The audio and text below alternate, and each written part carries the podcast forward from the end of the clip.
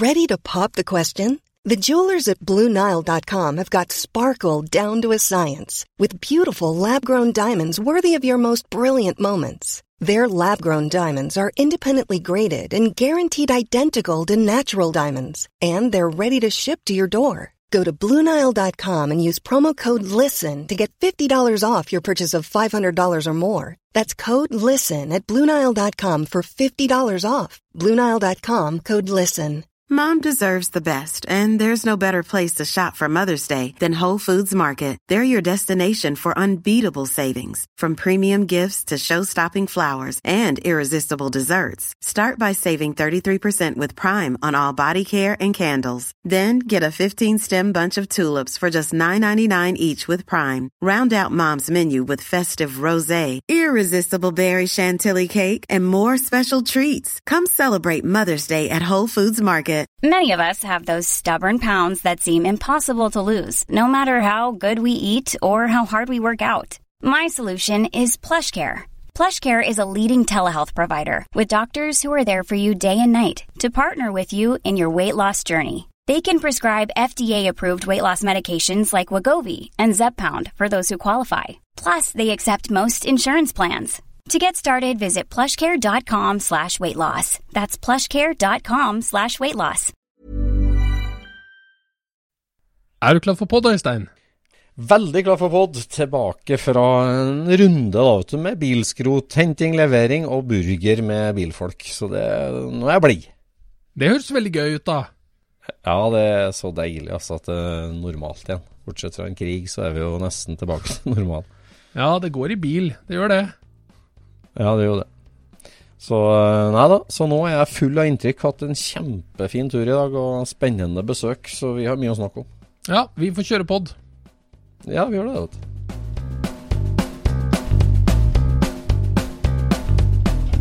Du lytter nå til Scootspodden, en norsk podkast om klassisk bil med Jon Roar og Øystein.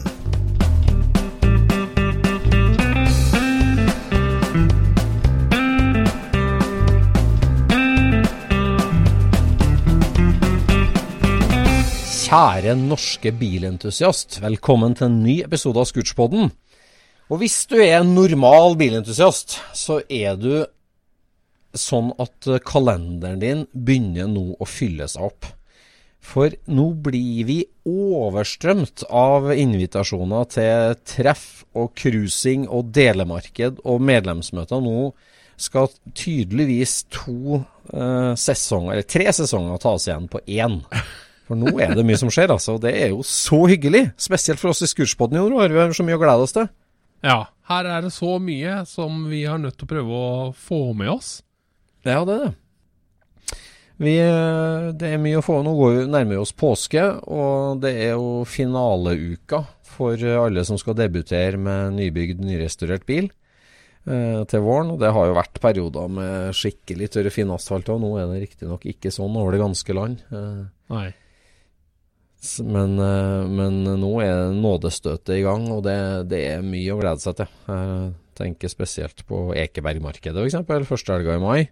Ja, Eh, godt etterfulgt av Norsk Sportsvognklubb sin vårmønstring òg, på søndagen. Og det er vel også Amcar vårmønstring òg på samme søndagen, så ja. eh, masse som skjer. Mm. Da skal alle ut og kjøre. Da må jo eh, Vegvesenet ha fått feia ferdig, da. Jeg får håpe det. Steinsprut er ikke noe vi trives med. Nei. Nei, det er sant. Hvordan går, hvordan går det i garasjene hos deg, i verkstedet? Jeg holder på med, da, på mange fronter, og fikk jo en, eh, en nesestyver på EU-kontroll. Ja. Ja. Det har vært rykter om det der, ja. Det, du la deg vel i selen, men det er alltid noe å finne, vet du. ja, han fant eh, syv feil, og så er det vel to av de jeg er enig i, da. Ja. Resten er oppdikta. ja. Kjent stil, med andre ord. Ja, ja, andre sånn er det, vet du.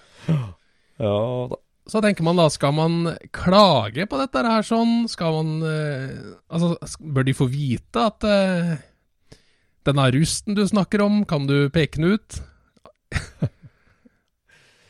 Det er vel sjelden litt sånn som på fotballbanen, ikke da? Når dommeren har blåst, så det, blir det bare verre hvis du begynner å krangle. Er Ikke sånn? Jo, men eh, som en av våre lyttere sa, da Du skal jo egentlig ha rett til å vise den et annet sted. Altså, du har jo rett til å vise den et annet sted, men det er jo ikke et krav om at du har bytta delen. Det er jo bare at problemet ikke er der, Ja, ja, ja. Det er jo sant. ikke sant? Ja, men vis den et annet sted. og Det er jo det kjente bordet-fange-trikset de innførte for noen år siden. At eh, når de sju feilene nå er lagt inn i den digitale kjøreboka di, så, så kommer du ikke unna dem. Ja, men sånn som det her sterkt korroderte ene bremserøret som sitter på bilen, da, som er et nytt kobber-nikkelrør som har sittet der i ett og et halvt år. Ja, skjønner. Eh, det er liksom Hvordan Hvor på det røret er du ser denne rusta? Ja. Jeg har jo ikke høyglanspolert det, men eh, det fins ingen korrosjon på det, i hvert fall. Nei. Uff. Men det skulle byttes. Det. Ja, jeg må passe på at det er bare du som skrur på din egen bil, da, for det er vel forbudt å reparere bremsene til andre nå, ikke sant? Jo. Nei da, jeg skrur på min egen. Ja, det gjør det. Vær du trygg, han fikk ikke noe jobb ut av det der. Nei. Nei, er skummelt det der. Nei, jeg har vært eh, til Fredrikstad til vår gode venn Thomas Dørjesen og henta eh, boblekabriolet-prosjektet. Karosseri har vært der på sveising og hjemvendt med en god del mindre høl, eller færre høl. Ja. Ja. Og hva er neste steg der da? Nei, nå driver jeg med chassis, da. Jeg har jo overalt motor og gir, bunnplate. Så driver vår gode venn Rune med forstillinga. Så da blir det å montere den til høsten, og så har jeg booka inn da en superlakkeringsjobb på den bilen. Eh, eh, vi har jo snakka med den før, en svensk kunstner som er ekspert på hyggelige lakkeringer. Så han, den skal dit. Jeg booka den inn der i september, da. Det er en såkalt flekklakkeringsjobb. Ja. Ikke den måten som vi vanligvis omtaler det. Nei, nei. Nei, den skal ikke hellakkeres, men eh, den skal lakkeres. Så Den skal fremstå som hel, er det ikke det vi sier? Ja, det er det. Det er det. Det, Ja. det, det er sånn connect the dots. Det er et lappeteppe som skal fylle, fylles inn, på en måte. Så det tror jeg blir veldig bra. Så booka inn der i september. Ny kabelmatte er på vei fra USA. Og Ja. ja, så det skal gå ganske Det håper jeg tatt Det her er jo egentlig bare et sideprosjekt. Det er jo ikke den jeg holder på med, men jeg holder på litt med en sånn innimellom. så Men det var veldig deilig jo at den ble fast i fisken igjen. Det var jo det er jo en hyggelig En hyggelig bil som eh, ble starta på litt feil fot på 80-tallet i Sverige. Ja. Så var det den lokale bygdesmeden med elektrodesveis som dro i gang, og det gikk litt galt, men det har vi fått korrigert opp nå. Ja. Så det ja. Thomas han ble jo nevnt i forrige pod, og han. Ja, da vi var hos eh, Arve Tverråen. Ja, det var artig, artig besøk. Artig Ja, da ble han jo nevnt. Vi har fått mye bra feedback på den episoden, faktisk. Ja, vi har det. Det er eh, veldig mange som vil at vi skal begynne å filme. Ja. ja, det er jo Ja, det er mange som har foreslått det. Og det er jo, hadde jo vært hyggelig, selvfølgelig, men, men det er mange som ikke har lyst til å vise fram det de har òg. Eh, og da er jo radio et glimrende medium, for det går an å fortelle litt om det uten å vise det fram. Ja, ja, ja. Nei, eh, jeg tenker jo at eh, det får være nok at vi sitter og tar opp. Ja. Det blir litt spesielt å skulle være på, på skjermen nå, føles det som. Det er et steg for langt. Ja, det er et steg for langt. Så eh, det, da må vi begynne å ta oss ut og tenke på hvordan vi gjør det. ene. Så det, det blir ikke aktuelt, for å si det sånn. Nei, i hvert fall ikke nå. Men vi skal bli flinkere til å ta bilder og legge ut bilder. Det skal vi jo bli flinkere til. Så følg oss på, på Facebook-sida til Scootspoden. Så kan du se Og Instagram. bilder. Ja, og Instagrammen. Og der kan du se bilder av det vi snakker om, stort sett. da. Mm. Får vi se hvordan det har gått. Men jeg syns det var veldig moro å prate med Arve der om eh, filosofi. Det er Ja. jo noe som vi to syns er veldig artig. Altså prate om det som er rett utafor bilen. Ja. Altså hvorfor har du den bilen, og hva er det som gjør at vi tenker likt om dette her? Ja. Til tross for at vi er i helt forskjellige eh, siloer. Ja. Ja, og der, og der er det jo veldig art, artig, det synes jeg. Altså ikke bare det at vi, vi tenker likt, men eh, det er også artig sånn Akkurat i caset med Arve, da, så var det jo det her med at vi, vi tenker veldig likt, men eh, fokuserer på helt forskjellige mål. Der han sier at jeg driver med gammel Ford fordi at det er så utrolig bra kvalitet på de tingene. Eh, Ja. og, så, og det, så sier jo vi òg det at vi driver med gammel tysk bil, for der er det så presisjon, og det er gjort så ordentlig. liksom. Ja, det er sant. Så, så selv om eh, ja, jakta Det er ståsted, på en måte. Det er jo ikke Man skal jo ikke si at, eh, at gammel Ford ikke er bra, Nei. men eh, Ja, for kvalitet og presisjon er jo ikke nødvendigvis det samme. Eller opplevd kvalitet og presisjon er ikke nødvendigvis det samme. Nei, det er jo ikke det. Det, det er ikke det. Men det, det er liksom fascinasjon for uh, gjennomtenkte løsninger. Klart at han Forden, som han sier, den tåler masse trimming. Det, det er mange deler som går om en annen fra forskjellige årsmodeller. Det går an å bygge om og, og, og forbedre på Eller oppgradere, da. På, på lette Mm. måter. Det, det robuste ting. Det er bra legering av de gamle originaldelene. er alltid bedre enn nye, dårlige repro, kan du si. Sånn at det, Ja. det er jo en sånn han liker jo den engineeringa som går inn der, og det er akkurat det samme kan vi si om det tyske vi driver med. Det, det, Ja, ja, absolutt, det er absolutt. solid, det er overflatebehandlinga, det er legeringa, det er gjennomtenkte løsninger. Det er liksom Så Det er liksom 'beauty is in the eye of the beholder', er ikke det? At det- du, du, Ja, det er, du, det er akkurat det. du ser på noe, men vurderer det liksom forskjellig, men, men har samme mot, mål likevel, på en måte. Ja. Så Nei, altså, trimningsvennlighet er jo en, eh, det er jo en kul målestokk, det, da. Altså, hvor, ja. Mye, hvor mye kapasitet er igjen i konstruksjonen, kan du si, mm, til å tåle effekt. det er sant. Og der, eh, der må jeg jo si at uh, folkevogna gjør jo veldig bra fra seg, i hvert fall på kilobasis. Ja, det er helt sikkert. Altså at du, at du kan kjøre med fem ganger effekten Ja. på ca. samme antall kilo. Ja, ja, ja. Ja da.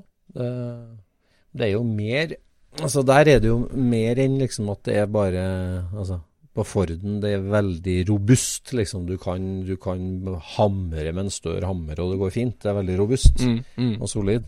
Mens på folkevogna så er det jo mm, så det er mer smart laga, og derfor robust. Eh, Eller, og derfor holdbart. Ikke fordi det er så innmari robust. Altså det er mer på Ja, for du kan jo bytte ut eh, mye av eh, komponentene, på en måte.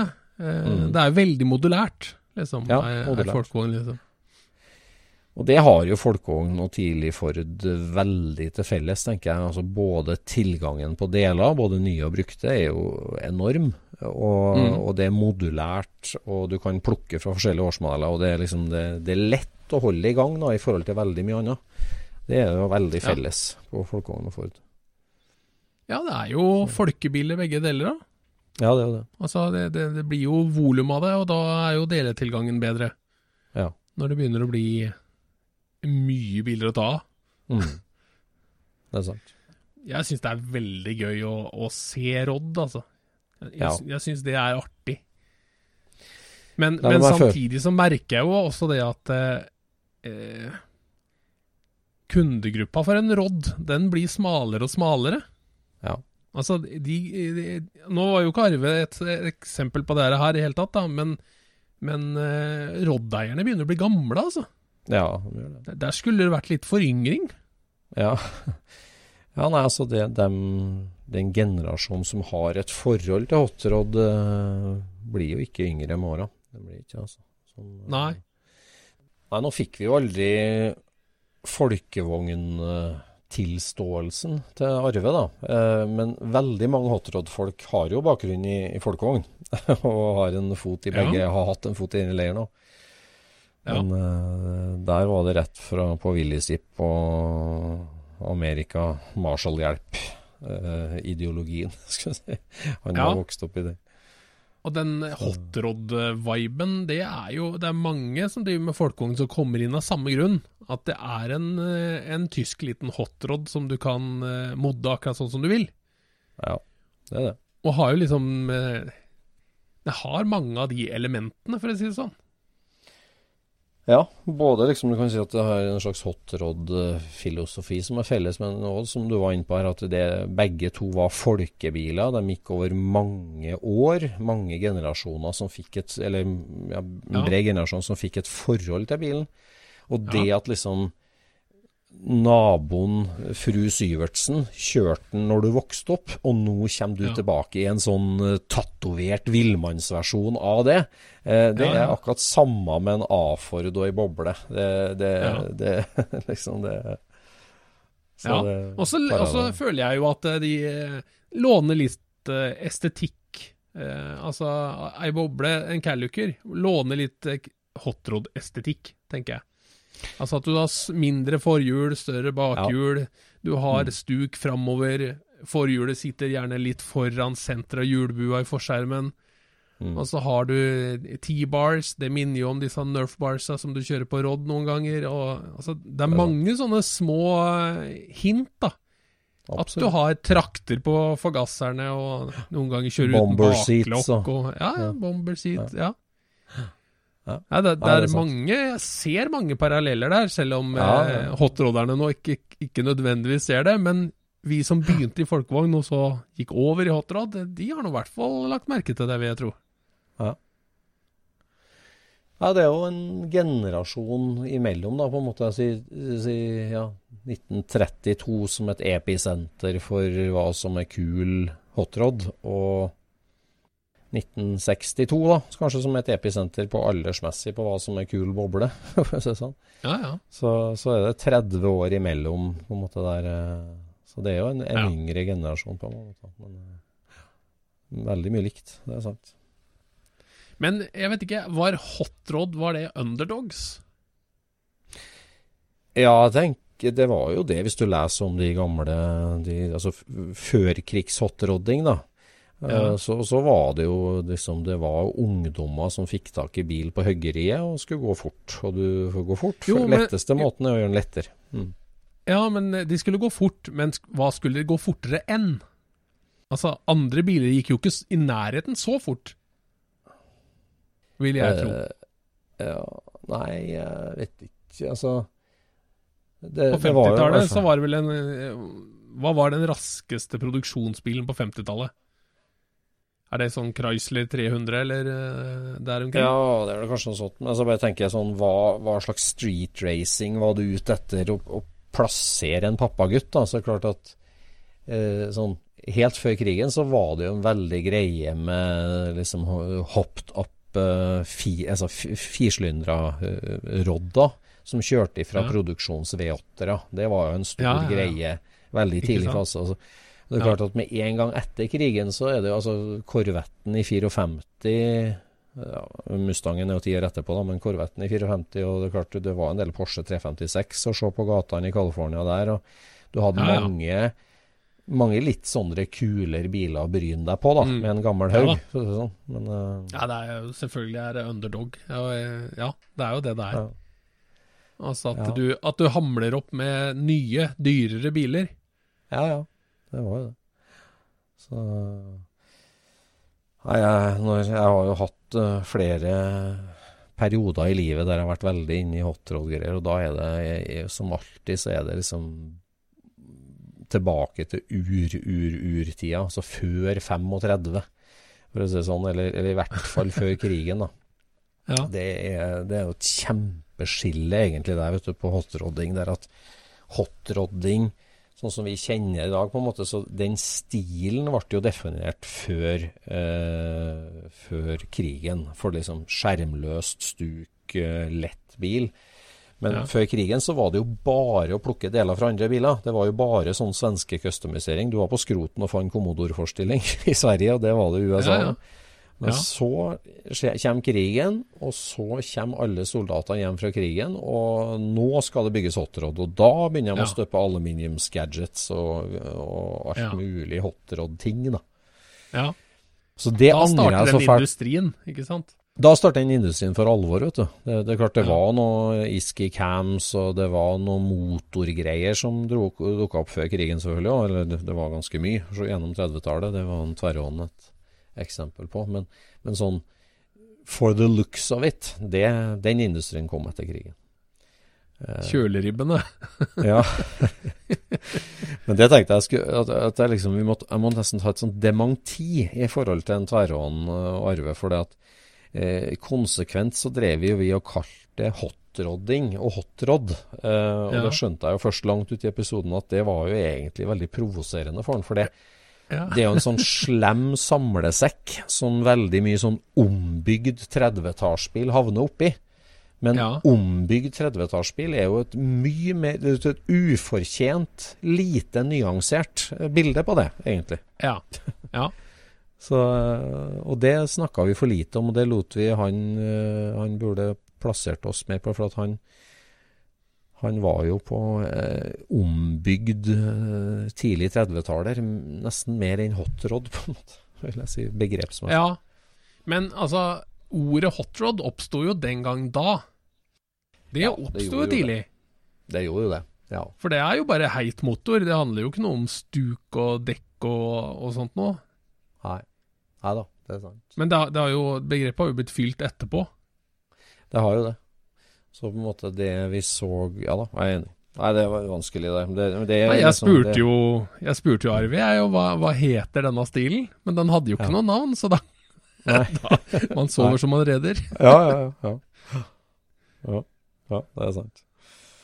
Nei, det var en hyggelig sak. Jeg fikk lyst til å ta fram Jeg har jo en Rodd, da, som for så vidt er jo kjørbar og klar på mange måter. Men det, det var veldig artig.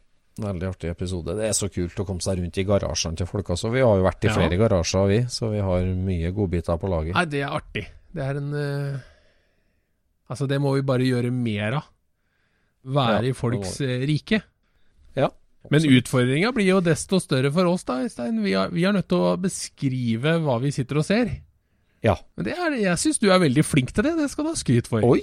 Nei, jeg skulle til å si at det må vi bli bedre på, for det er vi ikke så bra på. Men uh, vi, ja, vi Jeg er helt enig, vi må bli mye bedre på det.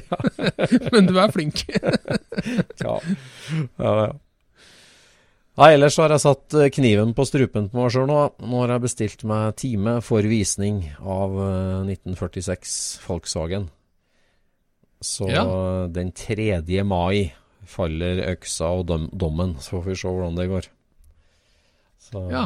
Har du fått noe tidlig hint om at dette her eh, kommer til å gå greit, da, eller?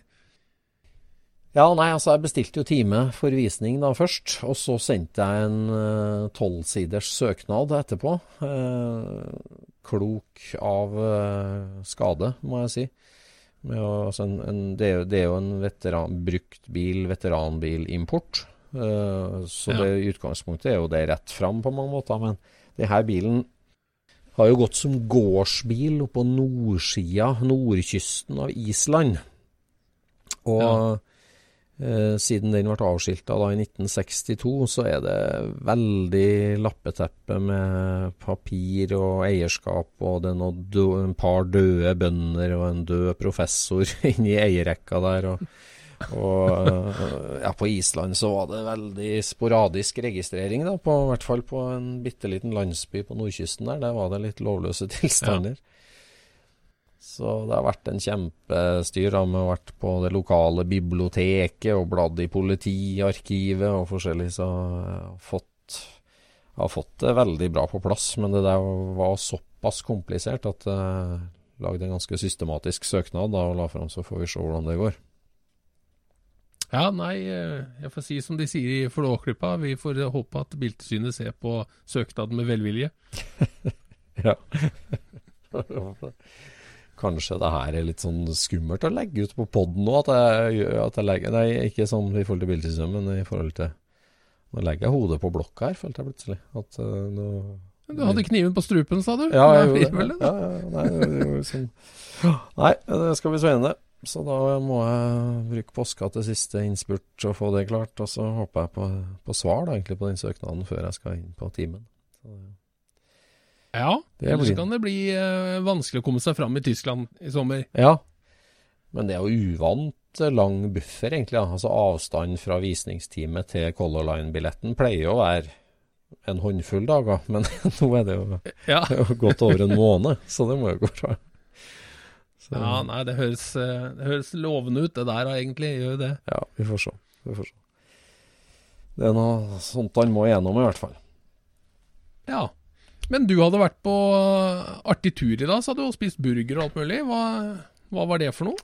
Ja, i dag har jeg vært på en kjempefin tur, altså. Ordentlig bra runde. Fikk gjort unna masse ærend og, og vært på et veldig, veldig interessant eh,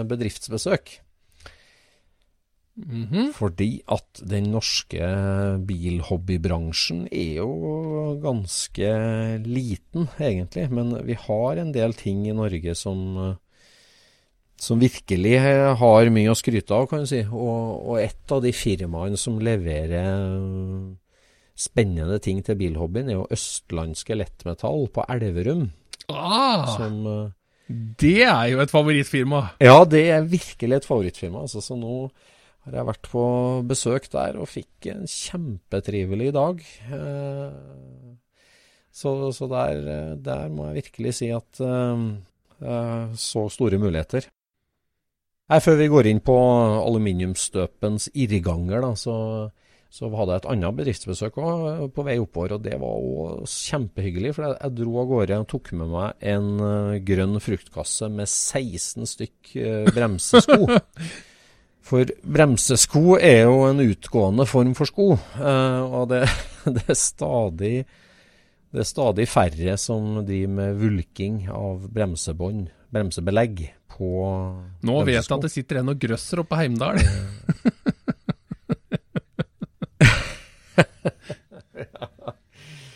Nei, det er jo litt av en jobb. eh, og der fikk jeg et kjempegodt tips. Og på Flisa og på Finnskogen så er det altså et firma, Brødrene Smedstuen AS. Ja. Der har de drevet bilverksted siden 1932. eh, og driver i tredje generasjoner. Sånn kjempetrivelig verksted. God, gammeldags bensinstasjon. Og verksted på baksida med kjeller og påbygg og påbygg. Og eh, ja, jeg fikk en liten tur der, var med ned i kjelleren, og det gamle stålreola med masse deler. Det sto en T-Ford-motor i et hjørne, og en gammel Opel sto i et hjørne der. Og, Ja. og, og veldig artig eh, bremspåleggermaskin. Eh, ventilslipemaskin, alt mulig. Skikkelig trivelig, god, gammeldags verksted, altså. Så det kan jeg bare anbefale. Så nå fikk du lagt på overdimensjonbånd nå, da? Ja, jeg la dem igjen. Eh, Det er ikke gjort eh, over natta, men eh, så da blir det 5 mm på dem med hydraulisk brems og 4 mm på mekanisk brems. For det har jeg lært meg the hard way, at det skal være tynnere på mekanisk brems. Så Jaha. Ja, men jeg tenkte på Du skal vel slipe opp tromler og sånt nå, og så få sektorslipa de der ja, ja. Jeg hadde, Bånda, ja, jeg hadde med tromlene og levert, så, Ja, du hadde med tromlene? så, ja, ja, ja. så det blir slipa opp og ordna, det blir det. Så det, det Nei, det var virkelig trivelig besøk, så da la jeg igjen dem der. Så da blir det, da blir det bremsa til ja, kabrioletprosjektet, blant annet. Så ja. det var virkelig bra. Og så gikk turen til Elverum. Ja, Østlandske Lettmetall. Østlandske Lettmetall som er en liten bedrift da, som støper aluminiumskomponenter til industrien, stort sett. Um, Ja. Støpe og maskinere. De tar inn uh, store aluminiumsblokker fra valseverk rundt om i Europa. Og, og, og maskinere deler fra blokk. Og de mm. en stort støperiavdeling som støper alt mulig spennende rart, altså, i aluminium. Ja. Blant annet de her veteranbilskiltene da, som var brukt opp til ja, 1934-35, vel. Ja, ja, ja, ja. ja. De, de hvite der, med, Ja. med svart tekst? Ja. Ja. Sånn, Som, som er støpt i aluminium. Det er jo en, en støpeplugg der de legger opp det nummeret du vil ha, da, bokstav og tall. Og så Mhm. i støpeform, og så fyller de den med aluminium. Reinslipe og lakkere hvit bakgrunn, svarte tall. Og Ja. Sondre støpte aluminiumsskilt var jo helt vanlig og bare brukt sånn type, da, egentlig fram til 1934-35 i Norge. Så Ja. så har du en bil fra før det, så er det der gull verdt, altså. Og så viktig og prisverdig at de fortsetter Ja. å gjøre det der gamle håndverket. Og så er vi så heldige i Norge som får lov å bruke det òg. Ja, det er vi jo. Altså, jeg bare tenker eh, stadig vekk på svenskene som kjører rundt med disse her kliss moderne skilta på veteranbilene sine. Ja. Det er liksom så trist. Ja. Nei, der er vi kjempeheldige, altså.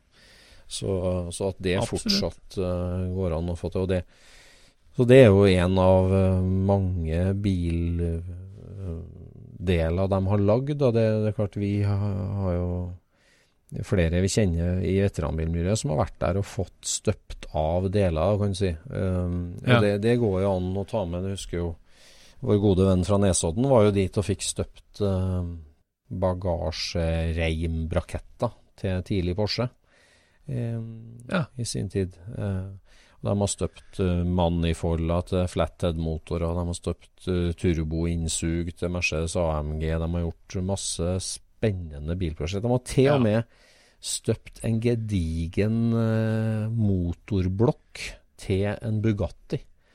Eh, en franskmann Ja. som eh, En franskmann som, eh, som kontakta først et annet firma i Norge som lagde modellen til den, eh, og så ble den støpt der på Elverum. Så- Ja, stemmer. Så det, de er, det er virkelig flott. Det er klart at Jeg husker eh, kompisen vår Rune. Han eh, var jo fra Elverum, så han hadde jo eh, kjennskaper der sånn. Ja. Mm. Han hadde jo lyst på aluminium senterlokk til felgene sine. Ja. Mm. Så han fikk tak i noen i plast med den rette formen, og så leverte han inn de da for å få de støpt i aluminium. ja.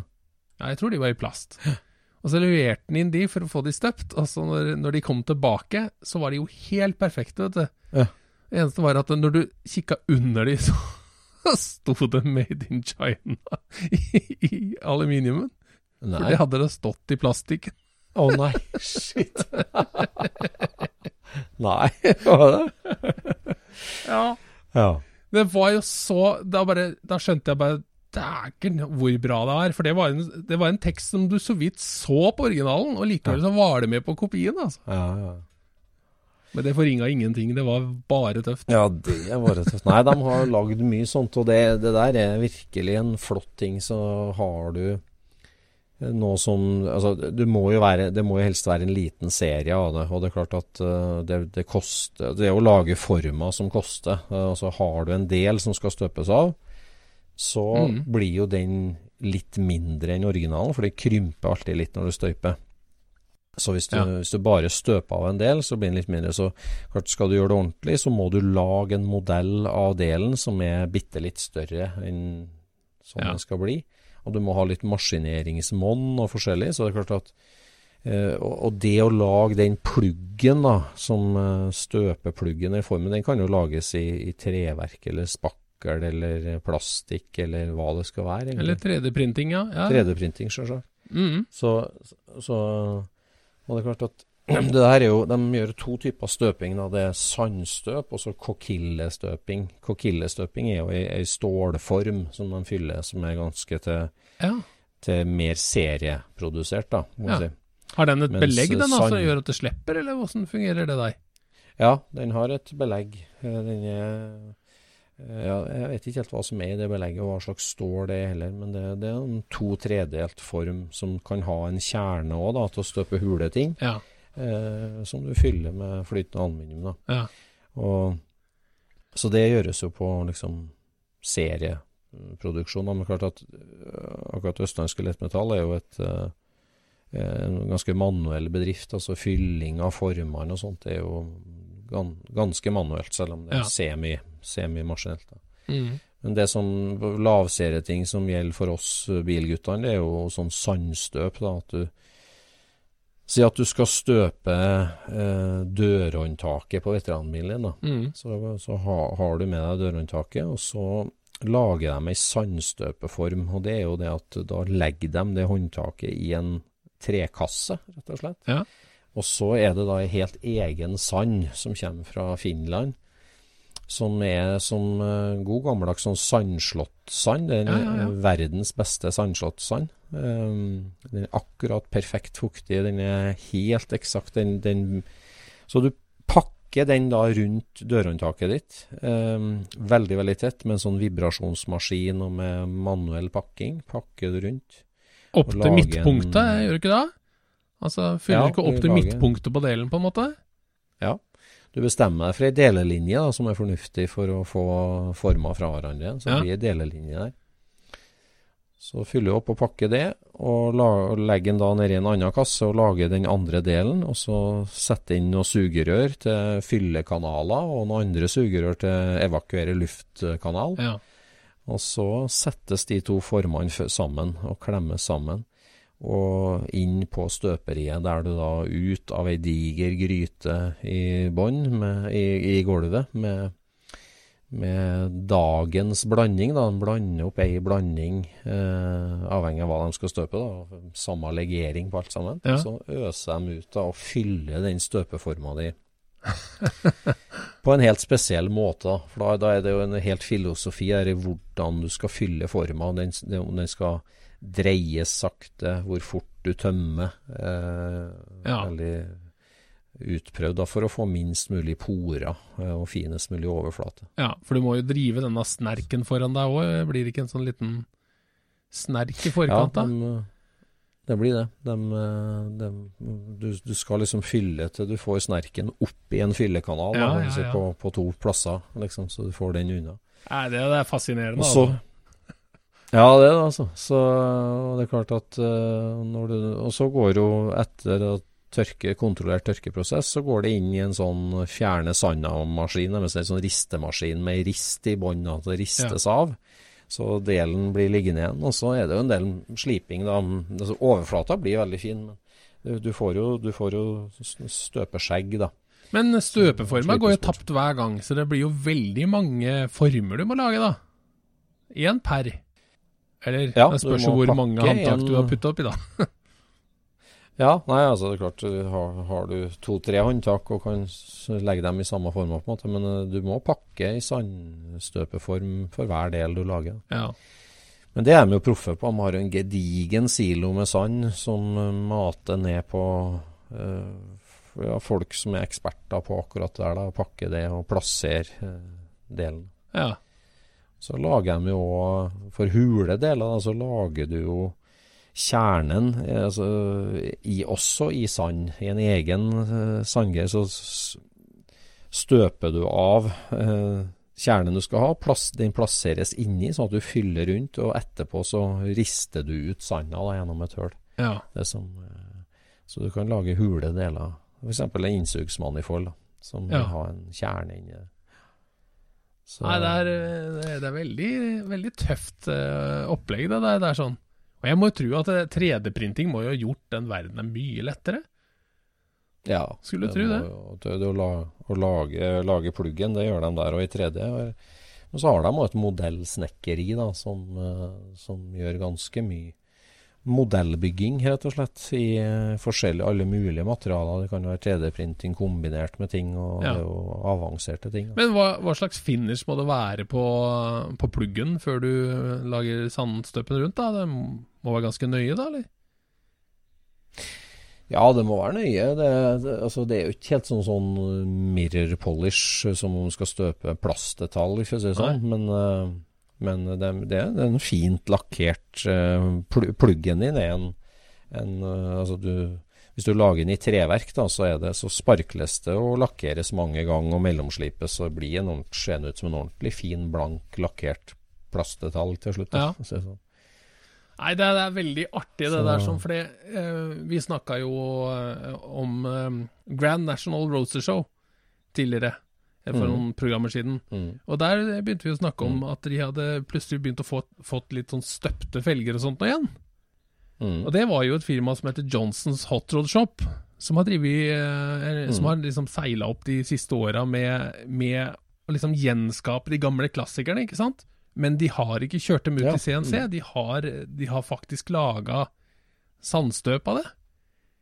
Og det gir, en, det gir en helt egen eh, feeling til tinga, altså. De lager skikkelig Ja, det, altså. tøffe ting, hvor de, hvor de kanskje tviker litt grann i forhold til originalen, da.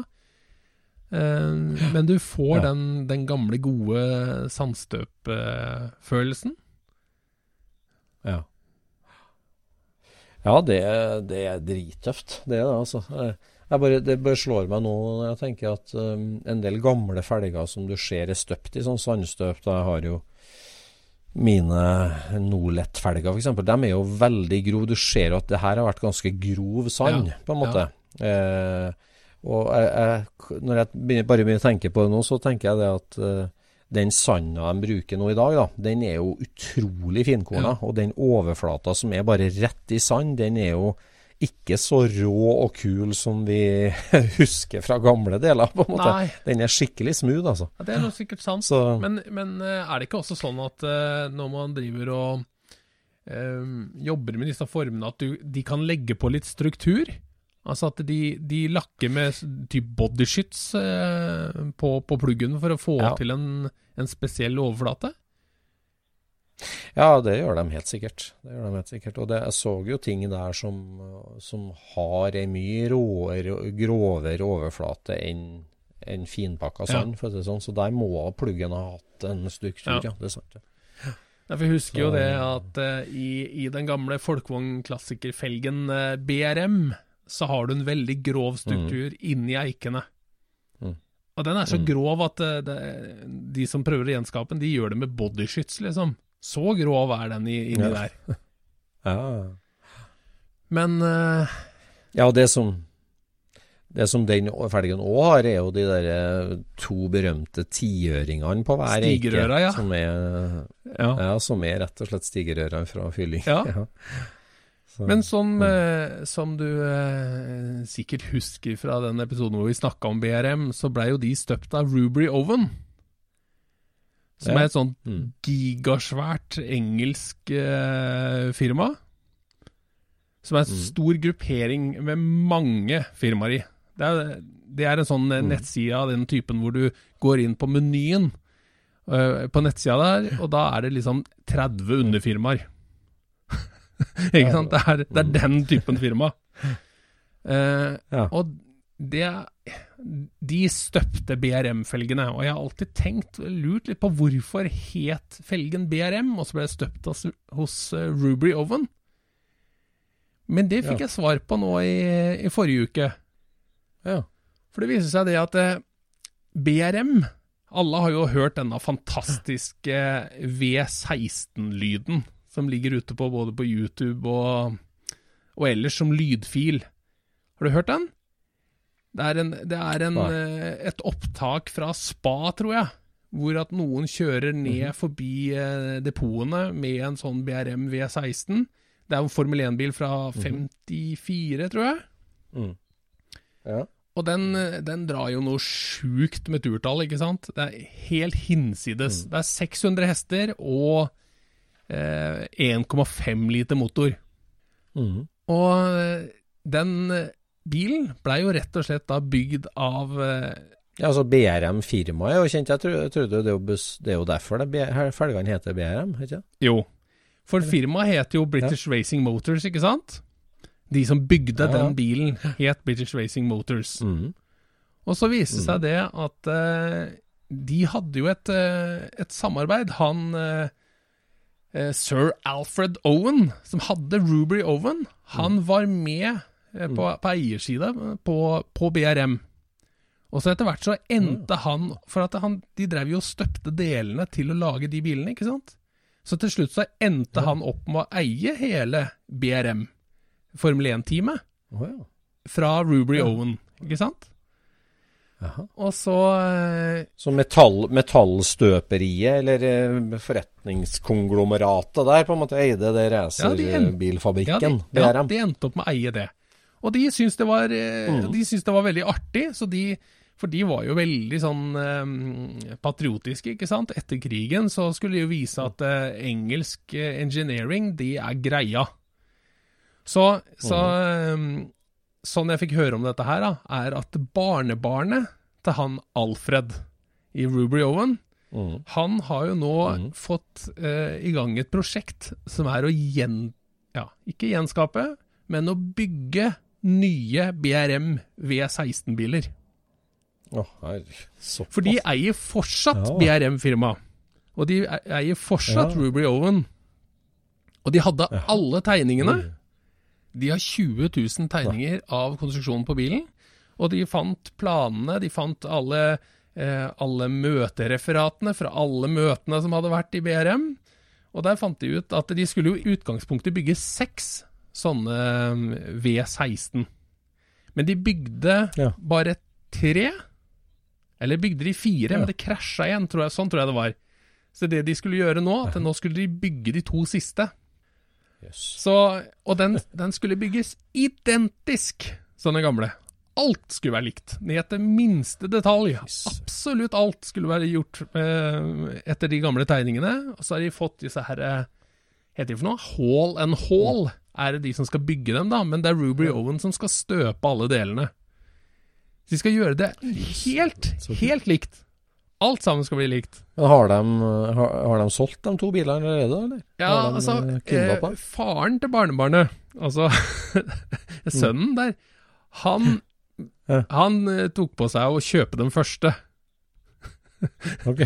Sånn at prosjektet kom i gang. Ja, Og den, den neste bilen, den skulle de selge. Og så blei ble han jo spurt om eh, Han heter jo eh, John eh, Owen. Han, eh, han som Mhm. har i gang dette prosjektet, da. Han ble spurt hva, hva kommer det til å koste. Ja, det, det kommer til å bli Mhm. dyrt, sier han. Det, kom, det, det, kommer til å bli, det kommer til å bli veldig dyrt. Ja. Men da var meninga at den, Ja. den BRM16, den skal faktisk da kjøres på bane. De skal faktisk bruke den som faren har kjøpt. Den skal brukes og, og være med i løp. For det, de gamle er jo for dyre, vet du. Og så kommer jo da folk og sier til dem at eh, ja, men hva er det, er det tribute car, er det recreation? Og så det sånn, nei, det er en BRM. Det er vi som bygde de første, det er vi som bygger de siste. Men det høres ut som de burde eh, åpne opp for flere, da. For å få betalt eh, restart av støpeforma og Ja. at det der, eh, Men BRM hadde jo flere versjoner, eller flere modeller. Altså V16 er ikke den eneste. De hadde jo de hadde jo også en H16. Som er to bokser åttere oppå hverandre. Jeg er ikke sikker på om det er bokser, egentlig, men det er flatmotorer. da, To flatmotorer oppå hverandre. For han sa det at i Ruby Owen da, så hadde de et, et motto som var da at hvis det gikk an å gjøre det vanskeligere, så gjorde de det vanskeligere. det, det vil jeg si er et engelsk prinsipp, mer enn et Ruby Owen. Jeg er for så vidt enig i. Akkurat. Herregud, for et prosjekt, da. Ja, det er helt, helt fantastisk. Og så, og så har de jo begynt vet du, med disse tegningene, og den første bilen er jo ferdig.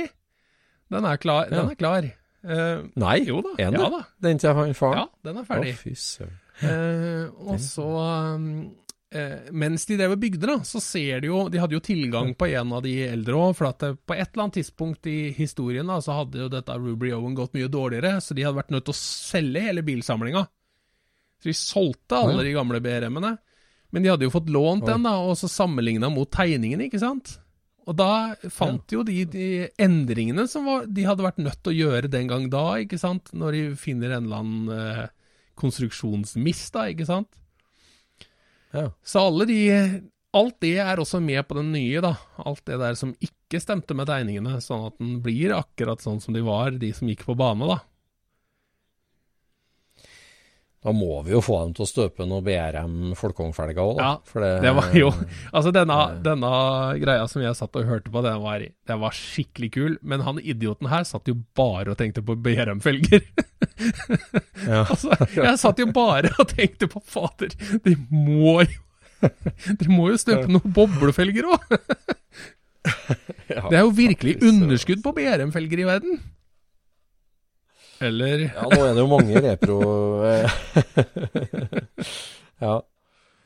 Nei, det hadde jo vært eh, knalltøft. Det, det var jo litt av tanken eh, i forhold til Norge her òg, med det å klart å støpt sin egen felg og designa sin egen felg opp her. Det, det er jo ikke noe vanskelig sånn. Altså, man må, må må lage den pluggen, da, og den må lages i litt større enn 15 tom. men Ja. men altså maskineringa etterpå òg, og det er jo det som er da, at med et sånt sandstøp, så, så må det selvfølgelig maskineres anleggsflater og toleranser og sånn, men eh, det hadde jo vært så tøft. Det var, det var jo vår venn Nicolai Gjelle Ja. da, som designa sin egen Og den ble skikkelig bra òg, faktisk. Den ble det, Den syns jeg var var tøff, altså. den. Jeg, Den var det. den eh, skulle ha jo vært et norsk, et norsk ansvar, det å få den eh, produsert og støpt opp i Norge. Ja. Nei, jeg, jeg går hele tida og tenker på det der, altså alle disse som gjenskaper gamle felger, liksom. Det er jo så mange muligheter istedenfor å liksom eh, bare herme. Så kunne man liksom gjort noen Ja. tweaks, liksom. Altså øh, Ja. forsterka det som er tøft med en felg. Det hadde vært så gøy å sett det, da, istedenfor at eh, de aller fleste gjenskapte saker ah, har de jo bare gjort om på ET-en, sånn at du får det på flere og flere biler, ikke sant? Så det, de, blir jo mindre og mindre tøffe jo mindre kant de får.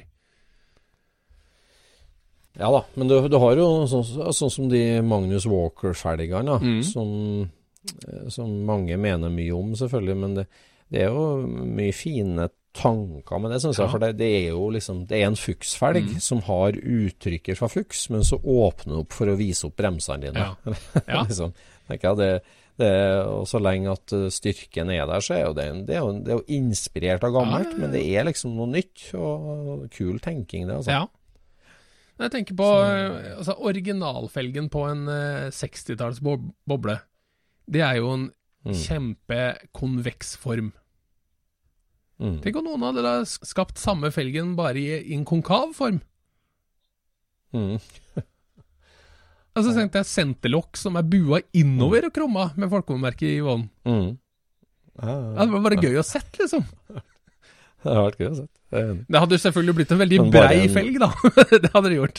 Men, Ja. uh, men bare formen, bare helt lik, bare speilvendt. Mm. Men altså, når det er sagt, altså den, den originale boblefelgen, spesielt kanskje i 16-tom, da, med, med helt tett stålfelg, så smooth og så lekker som den egentlig er. Altså en, en, en sandstøpt, litt kul sånn en med grov, grå overflate. Ja. Det har vært en fin felg, det Ja. òg. Og det kuleste der er jo Mm. egentlig at de har lagt masse jobb i at uh, uh, At felgen og kapselen er tangensiell. Altså, kurven er perfekt gjennom stålet og rett inn i eh, lokket. Altså, hvilke biler har det? Det er ikke mange, altså. Ja, Det er ikke mange. Nei, det er så lekkert. Og hvor lett har det ikke vært å lage det senteret bare liksom flatt i den konen, i stedet for den Ja, enten eh, det, eller bare at det blir en liten kurven. kant på kapselen for å få, få dette her til å funke, liksom. Mm. Det hadde jo skjedd eh, i i ni av ti ganger. Kan ha vært en engelskmann som Ja, lurte det- seg inn på, på, på designavdelinga hos Volkswagen. Nei, men uh, Lemmerts felgdesign Eller ja, de hadde, hadde respekt, designerne òg, på sånt. Men eh, nei, det, det, den er fin, altså. Ja. Den er skikkelig fin. Ja. Jeg skjønner det, at folk er, Ja. er glad i, i uh, sånt. Bredda stålfelger på bobler, liksom. Det er en klassiker, det. Akkurat som uh, Chrome Reverse er på hot rod. Mm, det er det. det, er det. Ja, felga er jo altså, felga er jo drømmen på en måte å få støpt. da, og På, på Østland Skelettmetall der så er det fullt mulig, hvis du har med deg en, en plugg som er riktig størrelse. Ja. Så ja, du satt jo litt grilla i hodet på meg der, altså, med å rett og slett støype av en stålfelg og lagd altså, lagd den tjukkere og Ja. Eller skanna den og 3D-printa den og lagd den tjukkere og støpt en sånn grovstøpt artilleriversjon av originalfelgen til splittbobla. Akkurat sånn det aldri var. Ja, tre og en halv toms bane eller noe sånt, eller fire toms bane. Det har vært knalltøft. Ja. Men apropos felg, da. Du, altså, nå er det jo sånn at uh, prøver jo blander jo stadig inn mer sånn sekundærmetall. Altså uh, brukt aluminium inn i støpgodset, så handler det mye om å, å få til like bra kvalitet på det. da. Og da ja sekundær, ja. Eh, Du mener, du mener liksom re resirkulering? Ja, resirkulert aluminium eh, Ja. som går inn. Det, det smeltes jo ned i Norge masse sånn avkapp og spon fra, fra store bedrifter, selvfølgelig, som lager altså, enden og begynnelser på en lang profil, eller eh, spo, spon, fresespon, alt mulig. Det smeltes jo om og brukes jo om igjen. Men hvordan Men- vet du liksom hvilken kvalitet du har da? da? Blir det, er det forskjellige konteinere og sånt, da, eller åssen er det det funker? Ja, de holder eh, skrapmetallet veldig atskilt, og måler jo hver eneste batch da, på eh, legeringsinnhold. Da. Det er jo oh, ja. mangan og silisium og forskjellig. Og Så noen sitter og sorterer all aluminiumen i Norge, liksom, som blir resirkulert? Ja, men altså, kan si at det som går inn i høykvalitetsprodukt, Ja. da, det, det sorteres jo i siloer. Der driver de og tilsetter litt, og de driver og blander litt og tynner ut for å få ei sluttlegering som er eksakt det kunden ønsker Ja. seg. Eh, men så er det jo masse sånn altså Colabokser f.eks. Det går jo til Sverige og blir smelta ned der. fordi det er så mye plast og lakk på det at det er ganske miljøfiendtlig å brenne av alt Så det gjør de i Sverige. Ja, det gjøres i Sverige faktisk. Og så, så kan jeg si at, og, og det er jo sånn lavkvalitetsaluminium. Og når du blander masse sammen da med gamle lysarmaturer og alt mulig, så går det til sånn helt sånn sekundærprodukt. Altså sånn vaskebalja og, og kasseroller i sin tid. Da Ja. var jo en stor kunde av sånt. Men det finnes jo en del sånn produkt som ikke har så veldig krav til forskjellige ting. ja. da. Eh, så, men jeg kan si at en av de største kildene til sånn sekundærmetall, altså omsmelta metall i Norge, det er jo aluminiumsfelg. Og Ja, fra hoggerne, hoggerne liksom? Fra, fra hoggeri rundt om i hele Norge. Og jeg ble helt sjokkert når jeg fikk høre det tallet, for altså hver eneste måned eh, oppå Eina, oppe ved Einafjorden så smeltes det altså ned 50-60 tonn med aluminiumsfelg. Hver måned? Per måned, og bare i Norge. 60 tonn. Da går, da går alle felgene kommer inn på containere fra hele Ja. landet. Går i en svær sånn shredder, der de eh, spises opp og tygges opp i småbiter. Og så går det inn i et sme en smeltedigel da, og smeltes ned. Det der er jo makabert, Øystein. av Ja, det er makabert.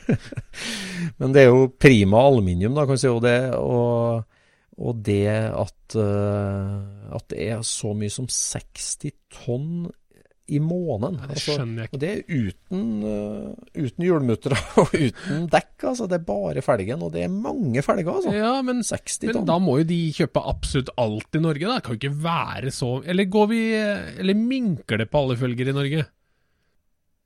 Mm, om det minker Det er jo helt sikkert noe sånn uh, skulle du si. Du, får, du får jo stadig annonser på folk som vil kjøpe skrotmetall og, Ja. og både katalysatorer og forskjellig. Men, men hovedstrømmen fra alle høggeriene kommer inn til ett smelteve, smelteverk i Norge. Ja. Og der eh, smeltes det ned 50-60 tonn per måned. Så det er det er et veldig viktig bidrag. Det, det, ja, det er et veldig viktig bidrag til den smeltedigelen som smelter ned. Sånt. Oi! Så Men, men du sier at de kan, de kan også, bare så... sette til, de får ikke plukka ut noe grums, altså? Eller eh, Nei, de, men de, de blander ned med rent aluminium òg, da. Ja. Altså, de, de får jo fra industrien en del eh, veldig lav legering da, med veldig lite, Ja. så du kan på en måte dilute Ja, ja, da, for, sånn, sånn, for å få ned innholdet av en del. Og så kan du tilsette en del ting, men eh, det, det er ikke noen god måte på å ta legeringsmaterialet ut. Altså det Du tar ut masse forurensninger, selvfølgelig. Det er jo masse drit og veldig mye skjærolje da, i veldig mye av det. selvfølgelig. Du får jo en sponkasse som er like tung av oljen som av spone. Så, Nei, jeg vet ikke om du- jeg vet ikke om du husker han eh, Bert Monroe? Jeg sto hjemme i, i skjulet sitt i Invercargill i, i New Zealand og støpte stempler i The World's Fastest Indian. Mhm, Husker du det? mhm. For han sto jo, Mhm. også, han sto Ja, og klippet opp gamle eh, stempler, han vet du, fra motoret. Ja, for å støpe om igjen. Ja, så brukte han og Jeg husker ikke hva de her eh, Hva merkene og talla var, men det var sånn type sånn Det var ti biter Ford og én bit Chevy, for da ble han litt seig, liksom. det var et eller annet sånt. Ja, jeg skjønner. Så det der minner jo faktisk Ja. om det der. ja, det. gjør det. Ja. Nei, herlig. herlig. Ja. Nei, det er mange muligheter, så nå er jeg full av 3D-former i hodet. Og vi må det, det er jo en del deler som må reproduseres, rett og slett. Og nå finnes det en mulighet, eller det har jo vært der lenge, men nå er jeg mer kjent med muligheten til å gjøre det her i Norge, og det er jo fenomenalt. ja, nei, vi skulle, skulle sitte non stop i Solidworks og tegna. Det er det egentlig- skulle Ja. ha gjort. Jeg skulle gjort det, vet du. Ja ja. Det ble en støpemetallepisode. Ja, det gjorde det. Hvem skulle trodd? Ja, nei Ja, sånn går det. Eh, Rølepoddene tar sine egne veier. Og Ja. mm, kjære lytter, du som hører på Skurtsboden, takk for at du lytter på oss, og takk for at du har hørt enda en episode av din favorittbilhobbypod. Og så er det vel sånn nå at nå har vi runda den nedre magiske grensa på antall feedbacks. Ja, stemmer det. Nå runda vi 51 feedbacks, og da Ja. plutselig syns kommentarene. Så da har vi fått eh, fire veldig hyggelige feedbacks på Scootspoden. Ja, så kult. Ja. Nei, Det oppfordrer vi alle sammen til å gå inn på podcaster eller iTunes eller hvor du hører på den, og legge igjen en Ja. uh, rating og en kommentar. Bare hvis det er hyggelig, selvfølgelig. Ja, hvis, du, hvis det er fem, så kan du legge den inn. Nei da, det skal være ærlig. Og vi, vi takker for all eh, artig feedback vi får, og det er veldig spennende. Vi har mange spennende tips å ta med oss inn i sesong, sesongen Ja, 2022. Og så mange artige gjester igjen. Ja. Altså det her, eh, her er det mange nedover eh, Det står en lang rekke her sånn og venter. Så det, det der skal bli veldig artig. Det blir veldig bra så må vi også takke disse patronsa våre. Ja. De er eh, kjempehyggelige bidrag til å få nedbetalt alt dette utstyret vårt. Absolutt. Og så må du huske på så må du huske på eh, SSC Super Scenic, den luftavkjørte norske fjell- og fjordturen som går av stabelen pinsehelga, første helga i juni. Ja. Det gleder vi oss til. Nei, det er mye å glede seg til. Takk for at du hører på Scootspoden, og takk for i dag. Vi snakkes! Scootspodden produseres av SSC Media, med god hjelp av VV Norge og Trond Dahl for hosting, Knut Micaelsen for musikk. Abonner på Scootspod via podcaster eller Acast, og følg Scootspod på Instagram og se det vi snakker om. Der kan du også komme med kommentarer og innspill, og fortelle oss hva du vil høre om.